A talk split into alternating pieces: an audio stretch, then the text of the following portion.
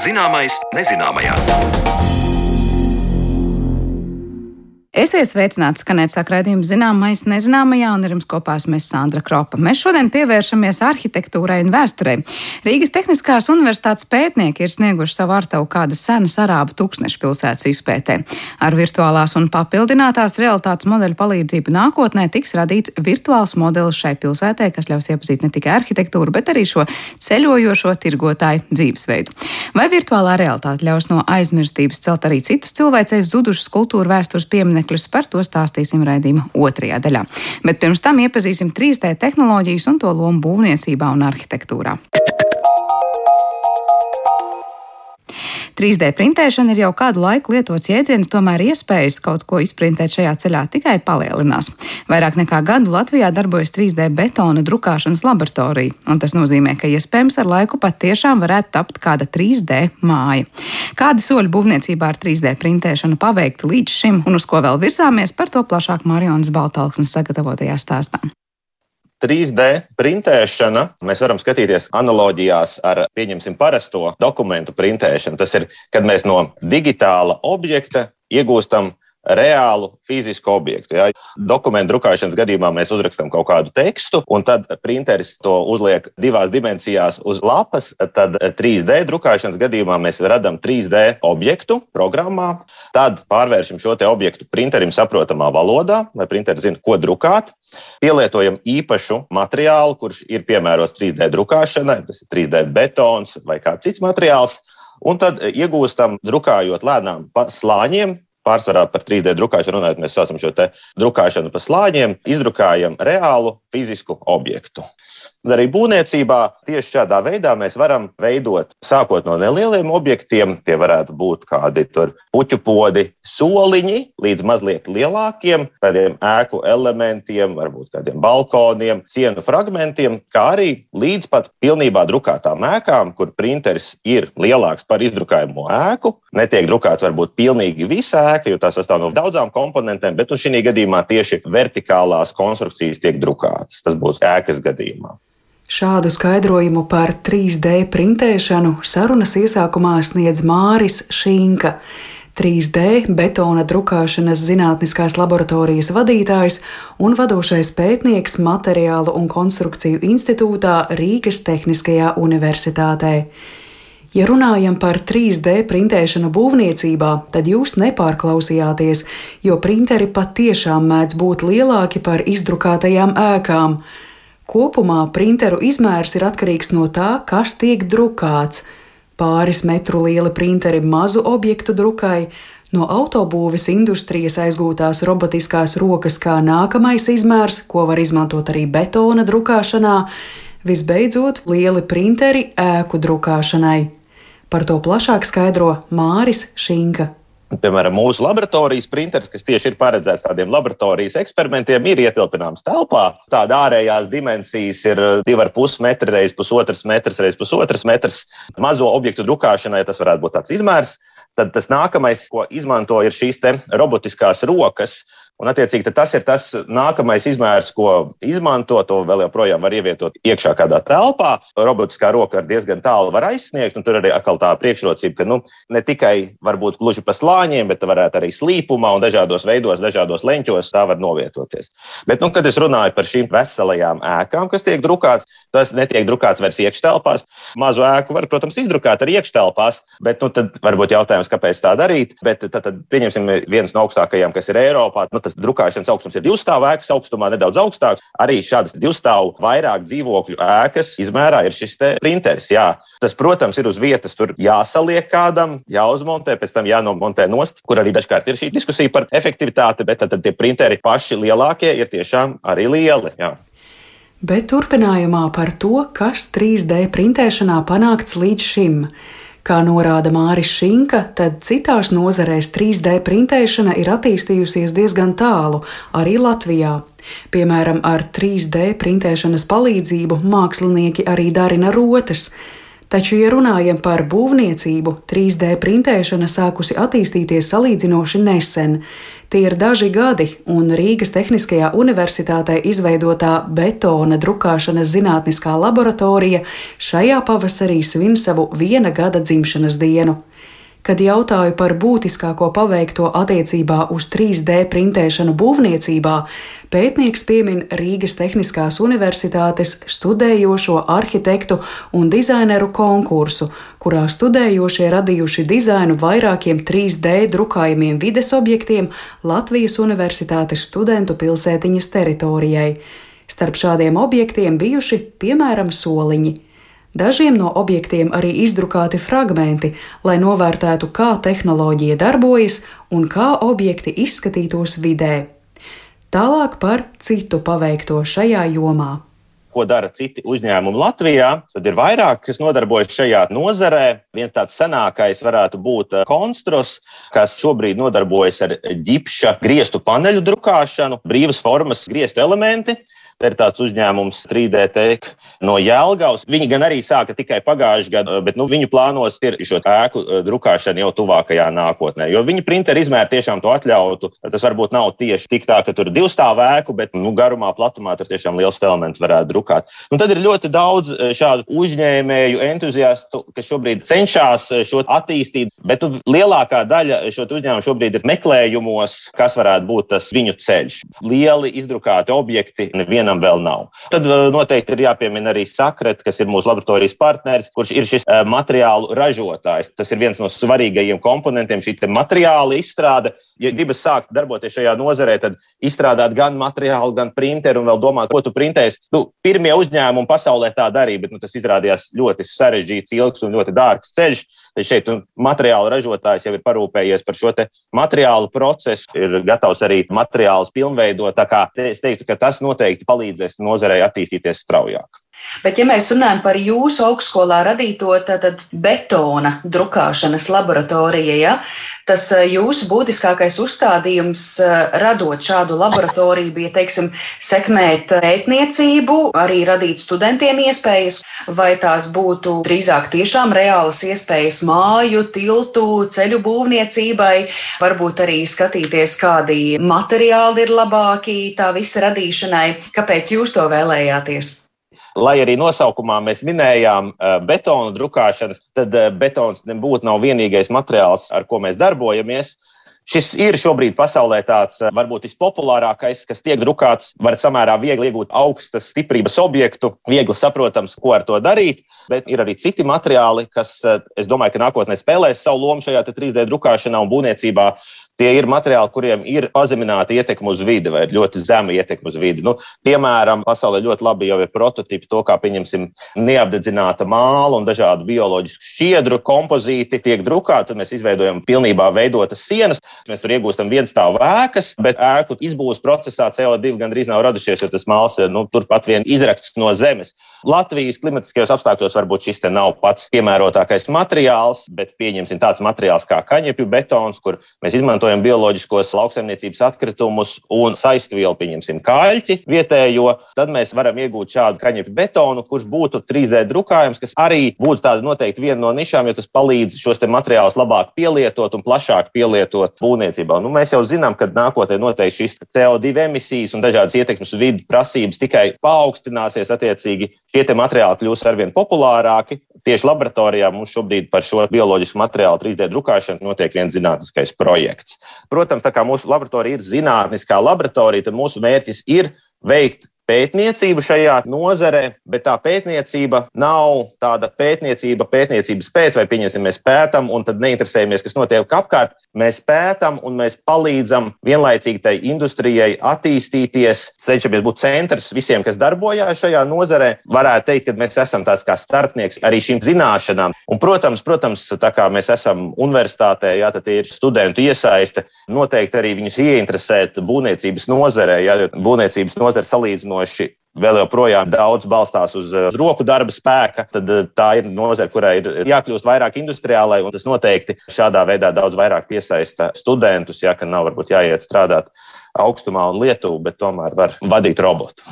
Es tad līdz ar to īstenībā saklausu vairākas priekšrocības 3D printēšanai būvniecībā, jo pirmīt jūs minējāt uh, vides aspektu, bet te ir arī tas uh, darba drošības, darba ērtības jautājums. Ja? Ir vēl kaut kādi plusi un varbūt jūs redzat arī kaut kādus uh, riskus 3D būvniecībai? Tādi galvenie plusi ir būvniecības kā industrijas robotizācija, kas nozīmē, ka manuālā darba spēka nepieciešamība samazinās. Ja? Tad mēs paliek mazāk cilvēki, bet sniedz augstāku pievienoto vērtību. Tas noteikti palīdz uzlabot darba drošību. Tad uh, otrā lieta, ko 3D drukāšana piedāvā, ir šī formas brīvība. Tad, ja mēs šobrīd skatāmies uz tradicionālo dzelzbetonu, tad mēs izmantojam veidņus. Nu, pārsvarā veidņus ir viegli uztaisīt taisnus, un mums arī pārsvarā patīk taisnas sienas. Ja mēs gribam kaut ko, kas ir ārpus taisna, tas jau ir sarežģīti. Ja mēs okay, gribam nedaudz ieliekt, to mēs vēl varam, bet, ja mēs gribam visās asīs e, nobīdīt objektu, nu, tad mēs taisām individuālus e, veidus, kas ir jāfrēzē vienā eksemplārā, pēc tam jāizmetam izkastē. Attiecīgi, 3D drukāšana piedāvā iespējamību veidot brīvas formas objektus bez veidu nepieciešamības. Mēs šādā veidā, izmantojot 3D drukāšanu, materiālu varam novietot tur, kur tas mums ir tieši nepieciešams no kaut kāda slodža aprēķina viedokļa. Jo šobrīd var varbūt ne visas konstrukcijas vienmēr ir pilnīgi optimālas, jo kaut kas tiek darīts no tehnoloģiju viedokļa. Ja mēs varam uztaisīt šo kantainu, mēs to taisām kantainu, jo mēs nevaram uztaisīt to ar pildītu vidu, vai šeit nedaudz mazāk materiāla, vai šeit nedaudz vairāk. To tradicionālās būvniecības metodēm tas nav iespējams. Ar 3D drukāšanu savukārt mēs varam veidot optimālākas konstrukcijas.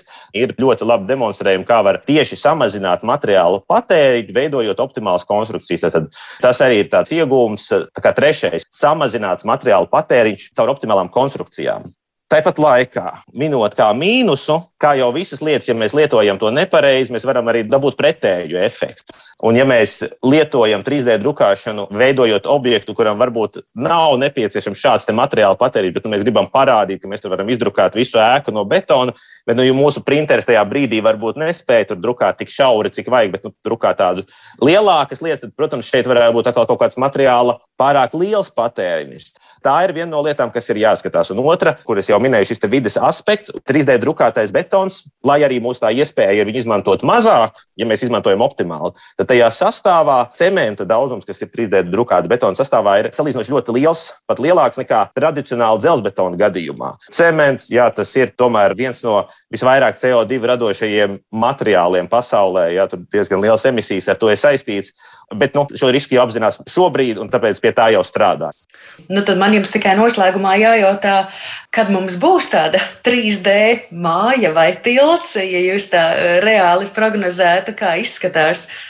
Tilts, es laikam uz tiltu mazāk. Nu jā, varētu būt kāda māja. Es pirms gada es teicu, ka trīs gadu attālumā es būšu drosmīgs un pieturēšos pie tā. Palikuši ir divi gadi. Vēl nav jau konkrēts pasūtītājs un konkrēta vieta vēl mājai nav izvēlēta. Bet, ja kāds šobrīd vēlētos, tad īstenībā tas būtu iespējams realizēt. Vienkārši tas ir jāskatās, cik daudz un ko mēs drukājam. Tie būtu atsevišķi, visticamāk, šobrīd tādi sienas elementi, kas savienotos kopā. Nesošā konstrukcija varbūt izpildītu šo funkciju kāds cits elements, bet 3D drukāta ēka. Es domāju, ka tas ir pilnīgi reāli. No iespēju viedokļa noteikti. Attiecībā uz izmaksām arī te viss būtu atkarīgs no tā, ko drukājam. Cenas ziņā šobrīd topat lētāki objekti salīdzinājumā ar tradicionālajām būvniecības metodēm. Bet vismaz tuvākā nākotnē vēl netiek plānots, ka 3D printeri drukās tieši tādas pašas ēkas, kādas šobrīd mūrē cilvēki, jo vēl jau saglabājas iepriekšējās tehnoloģijas, un tāpat arī cilvēki, kuri tās labi pieprot. Dzirdējām stāstu par 3D tehnoloģiju sniegtajām iespējām būvniecībā, bet raidījuma turpinājumā ielūkosimies kādā arābu senpilsētā un skaidrosim, kā virtuālā un papildinātā realitāte palīdz saglabāt teju zudušu kultūru vēsturisko mantojumu.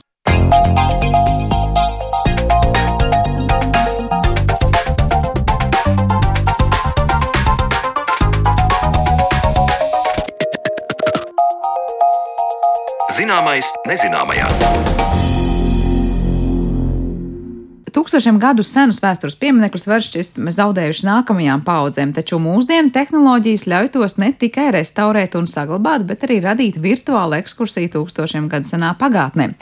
Viena no šādiem unikāliem darbiem veids arī mūsu pētnieki, kuri e, viesojušies kādā arābu senpilsētā un veidos tai virtuālās realitātes modeli, ļaujot ar mūsdienu acīm ielūkoties cilvēku dzīvē arābu tūkstnesī senatnē. Par to visu, kā tas notiek un kas ir šī paša senpilsēta, mēs runāsim atlikušajā raidījuma daļā, kad uz sarunu esam aicinājuši Rīgas Tehniskās Universitātes ģeomātikas katedras asociēto profesoru Māri Karinku. Labdien! Labdien! Kā arī UNESCO ekspertu un cijā arhitrāvas izpildirektoru Bruno Delantu. Labdien! Labdien! Es sākšu pirms ar to, kur esat devušies, vai kur turpmāk tas darbs ar vien vairāk notiks, jo es saprotu, ka kāds laiciņš ir pavadīts ļoti eksotiskā vietā, ārā vienā senpilsētā, nosaukums Karjat Alfau, ja ir jāsaka pareizais. Sākšu ar to, kas šī par pilsētu un kā tā nonāca jūsu uzmanības lokā, lai veidotu tur pēc tam virtuālu versiju visai. Šī vieta atrodas Saudijas Arābijā, dienvidu pusē, ap, apmēram 200 km no Jemena tūkstnesī, kur nekas daudz nav, izņemot to vietu, kur palika daudz drupas, apmēram viens kvadrātkilometrs. Nav daudz, kas ir zināms par to vietu, bet kopš janvārī ir iekļauts pasaules mantojuma sarakstā. Gan pilsētā, kas ir, tas bija dibināta 4. gadsimts pirms Kristus, un kur daudz dzīvoja apmēram 800 gadi gan arī uh, vecākās zonās. Visā zonā, kas ir iekļauts pasaules mantojumā sarakstā, ir 130 kvadrātkilometri. Un uh, ir daudz, ko mēs atradām tagad. Iekļauts uh, vairāk tūkstoši uh, kapvieta, uh, kas ir uh, no 9 līdz 11 tūkstoši gadi vecs. Nozīmē, ka šī pilsēta bija būvēta vienā teritorijā, kur ir dziļi sakni kas tur ir. Bet šobrīd tas ir drupas, kas tur tikai ir, vai tur ir vēl nu, daudz maz apjaušana, kāda tā izskatījās tie vaipsti tajā pilsētā? Uh, e, drupas ir starp metrs un trīs metri augsts. Da, dažreiz uh, divi stāvi, mm -hmm. bet uh, daudz vairāk nepalika. Tagad. Uh, šī vieta ir ļoti eksponēta. Un, uh, ir gan vējš, gan lietus dažreiz, uh, un daži materiāli bija kigeli, kas uh, ilgi nevar dzīvot tajā apstākļos. Kā arī karstums un saule, kas nav, arī nav laba lieta. Tā kā laiks darījis savu, geogrāfiski apstākļi darījuši savu, un tomēr tā pilsēta, lai arī dažu metru, bet tomēr drupās ir atrodama. Ko jūs šobrīd, kā zinātnieki, tur darāt? Es saprotu, ka ir veids, nu, kā ar modernajām tehnoloģijām palīdzēt atzimt, var teikt, vismaz virtuāli šai vietai, un cik ļoti mēs to varam redzēt pēc tam tajā nu, virtuālajā pasaulē, kā tiešām tāda nu, pilsēta, pa kuru staigāt. Nu jā, mūsu uzdevums vairāk bija pirmajā posmā nodrošināt šo tehnoloģisko atbalstu, jeb varētu teikt ar 3D lāzeru skaneriem un bezpilotu drona lidaparātiem ievācam šos telpiskos datus un uh, un apkopojam, kā vienkāršiem vārdiem saka, lielā mākonī, jeb datu masīvā, un tad mēs viņu jau varam šīs pašas drupas skatīties jau datorā, digitālā veidā. Nu, tā galvenā loma ir iegūt pietiekami augstu detalizētību, lai citi pētnieki, vēsturnieki, arheologi un arhitekti varētu šos datus jau digitālā veidā pētīt padziļināti kas nav iespējams visu laiku uz vietas darīt. Jūs esat šajā komandā, nu, kā, komanda, kas ir pirmais solis, lai pārējie varētu tur strādāt, vai jūs ierodaties jau strādājat arī ar kaut kādu citu pētnieku iegūtiem datiem vai, vai, vai materiāliem? Um, nē, tieši ar šiem trīsdimensiju telpiskiem datiem mēs esam tas pirmais posms, un, un tas posms jau turpinās arī tālāk. Pašlaik notiek šo datu uz apstrāde uz lielu jaudas datoriem un, un tālāk jau viņu interpretācijām, sagatavošanu jau nākamajiem pētniekiem, kā viņiem vajag, kādos formātos un, un tos. Un tad jau pēc tam nāk šī nākamais posms, mēģināt šo vēsturi patīt uz atpakaļ un ieraudzīt virtuālā telpā, kā iespējams tur izskatījās pirms nu, 4. Jā. gadsimtā pirms mūsu ēras līdz 3. gadsimtam mūsu ērā. Par to, kā pati šī tehnoloģija strādā, es jautāšu Bruno, es zinu, pirms daudziem gadiem mēs ko līdzīgu dzirdējām par darbu Eģiptes piramīdās. Ja? Jā, tas, tas ir viens pret vienu, vai kā tas strādā? Tehnoloģijā ir, ir tas pats, kā bija tajā laikā, un Marijs arī bija tajā komandā šajā laikā, Latvijas zinātniskā ekspedīcijā, kur mēs sākām strādāt Karnaka templā un tālāk Džozēra piramīdā. Un, un tas ir, kāpēc te bija ļoti veiksmīgs darbs tajā laikā un ar lielu rezonanci arabju vide. Un mēs turpinājām arī drusku tālāk Sīrijā, Irākā, Jordānijā. Ir daudz kas notika, un tas ir kāpēc bija liela interese no, no uh, Saudijas izmantot te, to tehnoloģiju, mm. lai ļoti ātri mēs varētu novērtēt situāciju, cik liels apjoms ir, ir iekļauts un vērtīgs.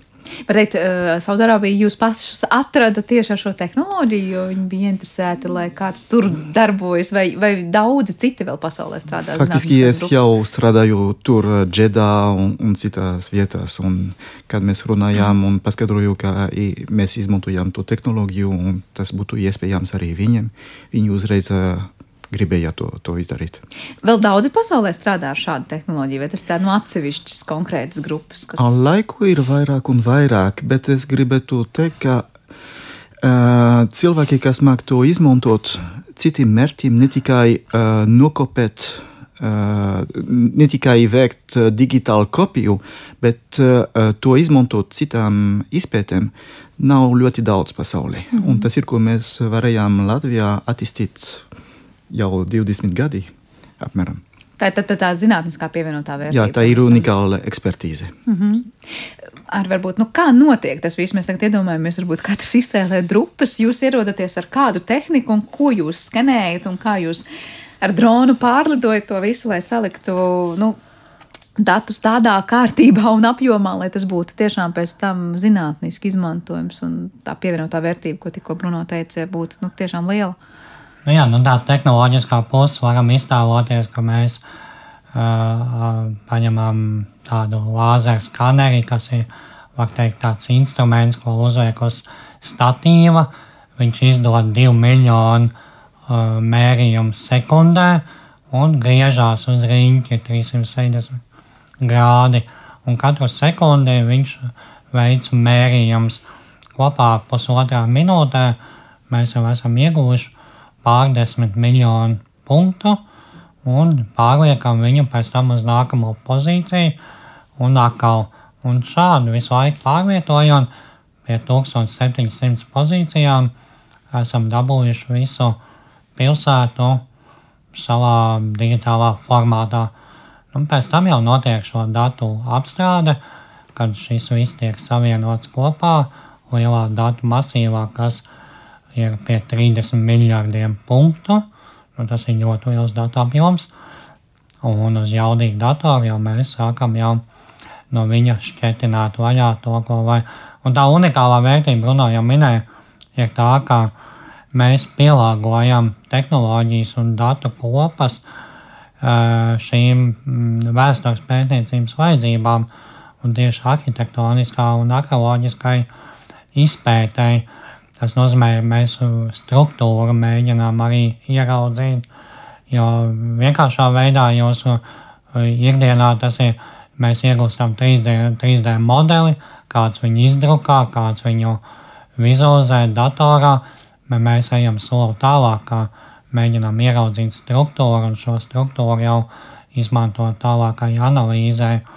Tad tā uzmanība tiek pievērsta jau dabā uz vietas, kā atrast to vietu, kur nolikt instrumentu, lai tie dati tiešām būtu liederīgi pētnieciskam darbam, ne tikai 3D modeļu iegūšanai. Uh, bet to struktūru, kam jūs pievēršat uzmanību, tas būs nu, nezinu, konkrētais materiāls, uh, kur kas atrodas, kas vēl atrodas līdzās. Gan materiāli, gan plaisas. Lāzeru skaneriem ir vēl viena tāda īpašība, kā lāzerim uh, ka viņš uz dažādiem materiāliem dod dažādu atstarojumu. Tas būtu līdzīgi, kā mēs varbūt termobildēs redzam, kā krāsains ir attēls.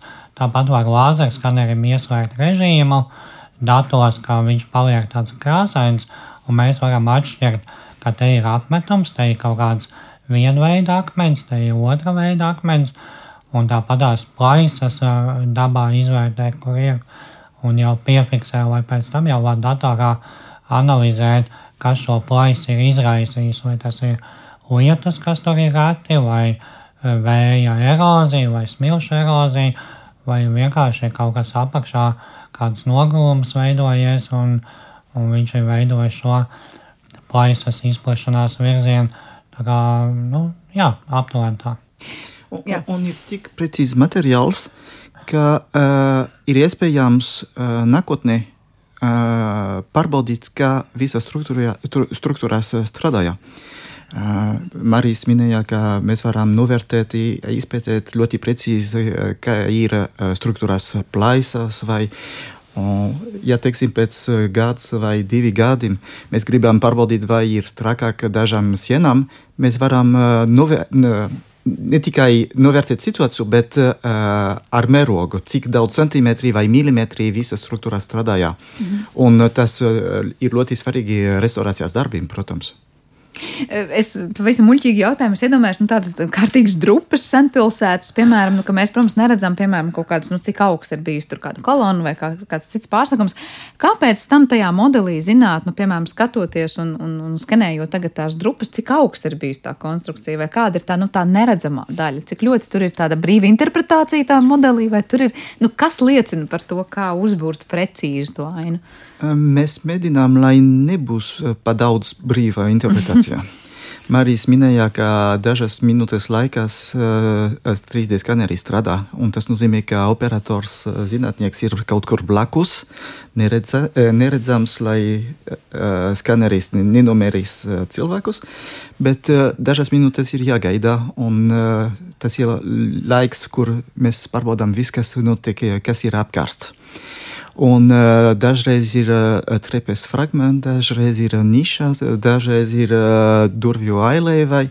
Un kas paliek vienā telpā, ir savādāk nākamā telpā un tā tālāk. Un mēs varam sākt interpretēt, ka, kur bija pārsteigums, kādā, vei, kādā veidā bija būvēts, kādā materiāli. Dažreiz paliek tikai sienas caurumi, un tas ir ļoti precīzi, kur bija koki gabaliņi. Koks vairāk nav, mm -hmm. bet negatīvi vēl ir tajās sienās. Ir daudz, ko mēs varēsim ar to modeli turpināt interpretēt, analizēt. Tas nāk tā, skatoties šobrīd vienkārši uz drupām, kurās varbūt liekas, nu tiešām ir kaut kāda nesaprotama, tur varbūt izcilns vai kas.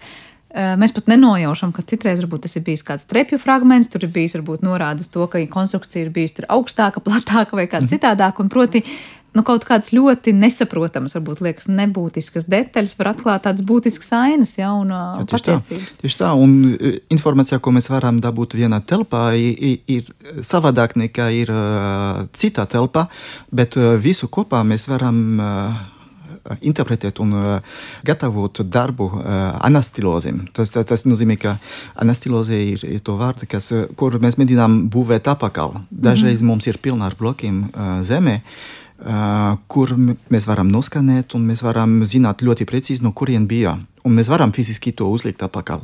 Bet pirms mēs to darām, kas prasa ļoti daudz darba un spēku, mēs varam to veikt digitālā formātā. Un ka, darbs, kas notiek fiziski dabā, tur būs redzams visiem apmeklētājiem, kas apmeklē to, viel, to vietu, un ir cerība, ka tas sāks notiek nākamā gada jau. Ah, tas jau notiks jau pati tā, tā kā atpakaļ būvēšana, jā, ja tā var teikt. Um, es gribēju vēl vaicāt par to, nu viens ir skatīties varbūt uz konkrētu vienu ēku, vienu templi, es nezinu, vēl kādu vienu būvi, bet te mēs runājam par pilsētu. Ko nozīmē tas darbs uz vietas, ja tā ir senpilsēta? Cik tā ir sarežģīta, cik tur ir, es nezinu, nu, dažādas, varbūt, es nezinu, nu, mūsdienu izpratnē ielas vai, es nezinu, kaut kādas dažādas būvis vai kas cits. E, e, mēs nevarēsim pārbūvēt visu pilsētu. Ir, dažas vietas, kur paliek drupas, kur mēs nostabilizēsim situāciju, kā drupas. Uh, ir dažas vietas, kur situācija, konservācijas situācija ir pagrūti stabilizēt, un kur ir ideja, ka mēs aizbērsim apakaļ. Un tas vairāk nebūs redzams turistiem, bet tas gan paliks digitālā formātā. Un ir tikai dažās vietās, kur būs interesantāk un skaidrāk turistiem, kur notiek šīs anastilozes darbi. Mm -hmm. Kur mēs būvēsim ne pilnā mērogā, bet gandrīz ir divi templi, ir karaliskā kapvieta, kur. Nu, tā, tas, nu, tā kā tu realitātē, ja, jā, kas ir bijis. Jā. Un, un pēc tam ir darbs, kas turpinās arī vēl viens soli uz priekšu, digitālā formātā kas būs pieejams muzejā vai uh, dažos platformos. Mm -hmm. Un tas ir, kur VR uh, Marijas varēs tur runāt plašāk par to. Tēmu. Virtuālās realitātes ir konkrēts kaut kāds rīks vai modelis, jā, ja, kurā staigāt. Jā, tā, tā, tā nav galvenā prioritāte šodien, bet tas ir viens no nu, mērķiem, uz kuriem iet. Ja?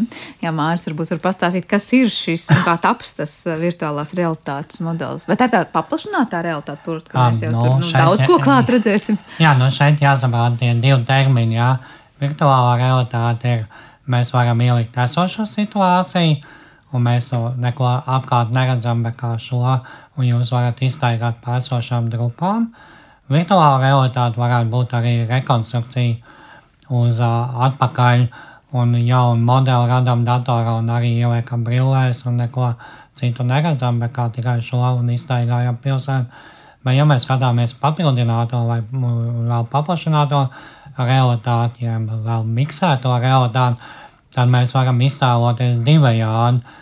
Mēs varam uzbūvēt uz esošām grupām virtuāli virsū vēsturisko modeli, un vēsturnieki var sākt viņu analizēt un pat pārbīdīt šos sienas vai laukus, kā viņi saprot no citiem līdzīgiem objektiem, un praktiski piedalīties visi šī objekta virtuālā rekonstrukcijā, kamēr nonāk nu, līdz līmenim, kur vēsturnieks saka, jā, nu šādi varētu būt šī pilsēta bijusi. Otrs ir virziens, kā jūs aizejat dabā, un jūs tagad uh, ierodaties šajā objektā, bet kā jau Bruno minēja, daudz kas jau tiek apslēpts. Un tad ir divi varianti. Kā, ka pirmkārt, jūs pagriežot planšetu datoru vai uzliekot brilles, jūs redzat noteiktā virzienā, kas nav redzams virs zemes vai kas ir apslēpts. Piemēram, vai kas ir rekonstruēts pa šo laiku, kā bija un ir tagad, vai arī kā šo pašu, ko es iepriekš minēju, šo vēsturisko modeli arī uz, apskatīt šeit bija šāds grazns templis, e, vai šeit bija šādi, un mēs spējam atgriezt atpakaļ. Un ja pieliek šo paplašināto un miksēto realitāti, tad uh, mēs arī varam pielikt vēstures informāciju klāt, kā tekstuālo informāciju, un jūs uh, jau uh, dabā uz vietas vai datorā atrodaties Latvijā vai citur, jūs varat uh, redzēt, kas vēl ir ir apakšā kāda vēstures informācija, slēpj konkrētā telpa vai vieta, vai tas ir bijis kaut kāds tirdzniecības noliktava, vai tas ir tas, un ko, ko tur ir veduši šī karavāna, un tā līdzīgi, un viņi apaudzēt, un to visu padarīt nevis tādā datorā, kā mēs pieraduši virtuālu tūri, uzspiežam, iztaigājam pilsētu, tas ir viegli radām, bet tieši tā, ka mēs jau ar savām kājām virtuāli jau pastaigājam un mēģinām ieiet tajā telpā iekšā un tam līdzīgi. Cik tīri tehniski tas ir sarežģīti un laikietilpīgi, ja mēs, protams, atsevišķi stāstām par to informāciju, kas tur ir jādabū iekšā, cik zinām mēs par šo pilsētu un cik tur ir daudz nezināmā vēl. Varbūt par to tehnisko vispirms. Nu, gan tehniskā puse jau visu laiku attīstās. Mēs ātri varam radīt vienu, otru, trešo, trīsdimensiju modeli mēs varam ielikt iekšā brillēs un tam līdzīgi. Bet tieši šī vēstures informācija, kā tas būtu izskatījies, nu, tas ir tas, kas ir jāsavāc, kas būs, kā jau es minēju, kas būs tas tās interpretācijas, vai šī vieta tiešām būtu šāda, ja, un kā tā telpa būtu. Un tā ir tas ir lielākais, es domāju, tas darbs saprast, kā šī vieta izskatījās. Cik tālu šobrīd ir ar to izpratni? Jā, un, un interpretācijā prāts uh, references. Lai, tas, tas ir kāpēc tas nav viens process, kas var iet ļoti ātri. Mm -hmm. Tas prasa laiku, un tas vēl turpinās uh, desmit gadiem. Tas, tas, Tā kā šāds modelis noteikti varētu būt reāli gatavs tikai nu, pēc ilga laika, ja jau tur varbūt desmit gadi vajadzīgi, lai kādu informāciju apstiprinātu, savāktu, par ko pārliecinātos. Jā, atkal ir divi modeli. Jā. Ir modelis, ko mēs tikko dabūjām, kas mm -hmm. uh, atspoguļo esošo situāciju, un ir modeli, kā bija šī pilsētā pagātnē un kur uh, ir viens liels gabals, kas trūks, un kur vajag interpretēt ar referencēm, un tas prasa ļoti daudz laiku. Cik šobrīd mēs daudz zinām jau par šo pilsētu? Nu, kas tur ir bijis, kas tur ir uzturējies, ar ko cilvēki ir tirgojušies vai ko ēduši un tā tālāk. Ir, ir veci teksti, bet ir daudz kas tiešām nav zināms. Faktiski uh, ir jāzina, ka valsts, ši, šis valsts tikko atver. Uh, pirms dažiem gadiem ilgi nebija iespējams apmeklēt to, to, to, to vietu. Un ilgi bija runāts tikai par vēsturi, kas ir uh, vecāka nekā uh, Mohameda laika. Tagad viņi piekrīt, ka kaut kas bija pirms. Mm -hmm. Un uh, šī pilsēta bija uh, karavāna ceļā no Jemenas, no Oman līdz uh, Vidusjūru. Uh, uh, tirgoja, uh, es nezinu, kā sauc latviešu valodā, bet uh, frankinsants. Kaut kas līdzīgs vīrakam, bet to latvisko terminu es arī nezinu. Jā. Un tas bija ļoti vērtīgs uh, pagātnē un ar, uh, ar citām lietām. Un uh, visi kameli no dienvidu uz ziemeļu pusi uh, staigāja apmēram 4-3 mēnesi. Un uh, katru nedēļu bija uh, pilsēta kur viņi varēja apmesties. Jā, kur bija ko dzert, ēst. Un, un uh, Karjāt Alfa bija viena, viena pilsēta nu, šajā tīklā. Tu patiesībā tādā starptautiski tajā laikā nozīmīgā vietā, ja tādā ļoti jā. dzīvā, ļoti tādā, kur daudz jā, jā. nonāca no turienes, devās tālāk. Bet, ka, bet kas ir interesanti, ir, ka šajā pilsētā tagad vairāk nav dzīvē. Mm -hmm. Mēs esam kaut kādā nekropolī, kur ir uh, klusums, ne, ne pilnīgi klusums, tāpēc, ka ir dzīvnieki, putni, viss vējš, bet nu, kur neviens vairāk nedzīvo, bet tālumā vēl ir simti kamerli, kas vēl uh, staigā atkal no dienvidu uz ziemeļu. Ir, un, un blakus netālu ir uh, liels magistrāts ceļš, Uh, kur ir benzīna tanks ar mazu restorānu, kas atrodas ļoti precīzi netālu no karjeras arfau, un kur visi var gulēt un ēst, kā tas notiek tajā laikā. Jā, tad var teikt, tāda ļoti interesanta laika mašīnas sajūta var atrasties tajā vietā. Bet es saprotu, ka tā ir arī vieta, kur ir eh, diezgan daudz tādu apļveida veidojumu, tādas kapenes, un, un tas ir tas, kas liecina, ka tajā apgabalā cilvēki ir ilgstoši mitinājušies un Jā. dzīvojuši. Tad var teikt, nu, ilgstoši visus tos gadsimtus, ko jūs sākumā teicāt, ceturtais pirms mūsu ēras līdz trešais mūsu ērā, ja es pareizi atceros. Tā ir pilsētāji, bet, uh, ko jūs minējāt par to Apple uh, formām kā vietam, ir daudz senāk, ir daži dažiem ir runāts par līdz 11,000 gadi veci. Mm -hmm. Un ne tikai kapvietās, bet ir arī pilna, ir, ir kalni netālu, kur ir pilna ar zīmējumiem, ar rakstiem, kas paskaidro par to, kā bija dzīve tajā laikā. Tad patiesībā arī līdz tam vēl 4. gadsimtam pirms mūsu ēras, jā, mums ir pietiekoši daudz liecību par to, jā, kas tur bija. Iekļauts uh, no nabatiem periodā, kā bija Petrā Žordanijā, tas, mm -hmm. tas arī bija nabatiem tiklā, komerciāli tiklā. Nu, tā ir ļoti, ļoti interesanta vieta. Esat izvēlējušies par vietu, kuru atdzīvināt 21. gadsimta arī skatītājiem. Es vēl gribēju pavaicāt par to datu apjomu, jo sākumā Mārcis teica, cik tur ļoti daudz tie punkti un kas tiek mērīts.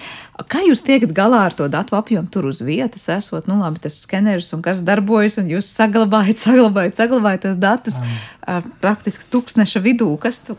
Kā Nē, nu, redzam, mēs izmantojam tās jaunākās tehnoloģijas, jā. Ja? Tās modernākās, kas ļauj gan ātri iegūt datus ar lāzeru skaneru, un arī spēj saglabāt šos uh, apjomus.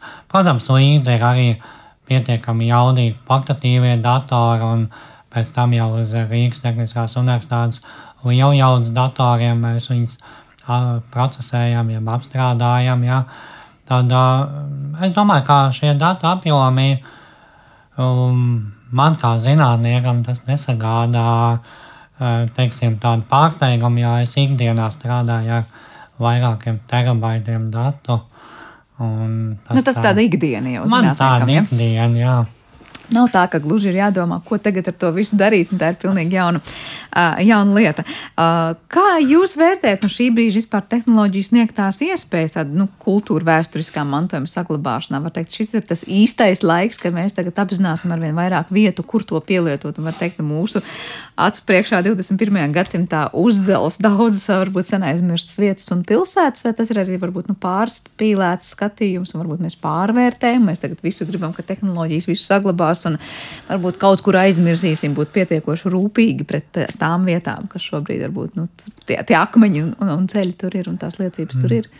Nē, man liekas, ka tas nekur nepazudīs, bet ka šīs tehnoloģijas ļauj mums pirmkārt ātrāk nodot informāciju pētniekiem un ikdienas arī cilvēkiem, ka mēs spējam ātrāk šo vēsturi pārvērst arī vizuālā formā, kā arī teiksim, skolnieks skolā spēj saprast, kā šī vieta bijusi un kā tā tirsniecība ir notikusies tajā laikmetā. Un ka tehnoloģijas ļauj to informāciju ļoti ātri nodot jau nākamajiem pētniekiem, kā mēs ievācam, un praktiski jau viņi ir uh, minimāli apstrādājot, ir uzreiz jau pieejama un, un vairāk apstrādājot, jo mēs runājam par visu kompleksu un apkārtni runājam. Tas nav tā, ka mēs runājam par vienu, divām telpām, mēs spējam skatīt.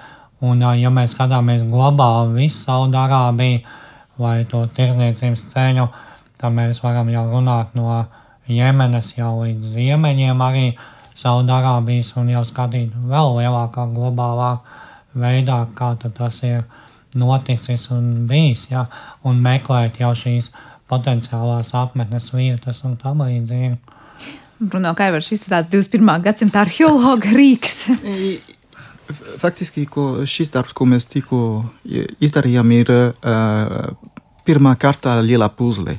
Uh, un mēs nodefinējam, uh, kādā līmenī mēs gribam to izpētēt ar lielu uh, kvalitāti un, mm -hmm. un precizitāti. Bet uh, tuvā nākotnē citi eksperti no citiem valstīm turpinās strādāt. Uh, dažās vietās mēs nofiksējam situāciju, viss, kas ir redzams, bet ir daudz, kas vēl nav redzams, kas vēl gulpā zemē. Nozīmē, ka varēsim uzlikt klāt uh, radiolokāciju profili, ja vajag. Un uh, šis modelis palīdzēs uzlikt pareizā vietā to informāciju. Ir uh, visur apkārt pilsētā bija palmas. Ļoti daudz. Tas bija rakstīts senos laikos jau. Un nozīmē, ka būs eksperti, kas izpētēs botanisko arheoloģiju, Ir, bija pazemes ūdens, bija arī no kalniem irigācijas sistēma, būs arī hidroarheoloģija, kas strādā. Ir, ir daudz eksperti un daudz. Bet viņiem jau būs zināms, kur skatīties vairāk vai mazāk. Jā, jā bet ar to pirmo kārtu mēs definējām, kāda kvalitāte un kādā līmenī viss notiks. Jā, nu tā kā tiešām jau, es domāju, daudz deg nepacietībā saprast, nu kāda iztēlē jau šobrīd mēs varam uzbūrt to vietu un redzēt pēc tam to ar šī tehnoloģija palīdzību būtu ļoti, ļoti, eh, protams, interesanti mums visiem. Eh, noslēdzošais jautājums, eh, nu, mēs sākām ar to, ka šī tehnoloģija savulaik tika pielietot arī Eģiptē, tagad Saudārābijā, vai ir vēl kāda pilsēta, kur jūs noteikti gribētu šobrīd to pielietot, un kas varbūt ir nākamā jau sarakstā, es nezinu, cik ļoti ieplānota vai vienkārši jūsu nu, vēlmju sarakstā, kur nokļūt. Es domāju, ka Marijas domās varbūt savādāk, un, bet katram būs sava atbilde. Bet eh, personīgi es domāju, ka nu, ir daudz kas eh, turpinās notiekt eh, tajā uh, Arābijas pussalā, Penesu. Mm. Ir, un Saudijās Arābijās ir gara sarakstā, kas mūs gaida. Bet jautājums nav, ko mēs gribam, kur mēs gribam strādāt, bet arī kur ir vajadzīgs un svarīgi. Un dažreiz uh, kultūras mantojums atrodas avarijā stāvoklī ne tāpēc, ka uh, ilgi stāvēja, bet tāpēc, ka ir uh, citi apstākļi. Un es, ko mē, kas bija izdarīts Sīrijā vai Irākā, ir līdzīgi, kas notiek uh, Ukrainā tagad, kur uh, pieminekļi ir uh, nobombardēti un daži palika nestabilā stāvoklī. Mm. Nozīmē, ka šis darbs, ko mēs veicam, nav tikai ko mēs gribam, bet ka, kas kur ir, ir, kur ir vajadzīgs. Mārim būs kāds, varbūt, nezinu, vēlmi saraksts vai savukārt jau vajadzības saraksts skaidrs, kurā mēs varam teikt, nu, šajā pilsētā daudz esat padarījuši, kas ir nākamā sarakstā? Nu, ir jau tādi sapņu vietas, e, es nenosaukšu varbūt tā nosaukumā, bet es tā iedomājos, kā gribās tādu kārtīgu pazemes pilsētu. Kā saka, atdzīvināt, jā. jā. Un tā Jā, tas tiešām, es domāju, neiztrūkstoši arī pētniekiem ir klātesošs zināt, kā ar un sapnis nokļūt kaut kur un ieraudzīt kaut ko, kas vienkārši urda. Izskatās, ka Marim nebija pietiks strādāt zem Džozera piramīda, kur bija septiņi kilometri galerijas. Vēl... Viņam vēl, vēl gribās. nu, jā, es domāju, ka pasaulē vēl ir daudz vietu, kas gaida tādus arī atklājējus 21. gadsimtā. Paldies jums par šo sarunu. Dzirdējām Rīgas Tehniskās Universitātes ģeomātikas katedras asociēto profesoru Mārka Linku un UNESCO ekspertu un Francijā arhitrāvs izpildu direktoru Bruno Vidlandu, kas šodien viesojās mūsu raidījuma studijā. Par raidījumu parūpējās producenta Paula Gulbinska, skaņu režijā bija Kristīna Dēla, par mūziku gādāja Girds Bišs, bet ar jums kopā es Sandra Kropa. Mēs tiekamies jau rīt uz redzēšanos.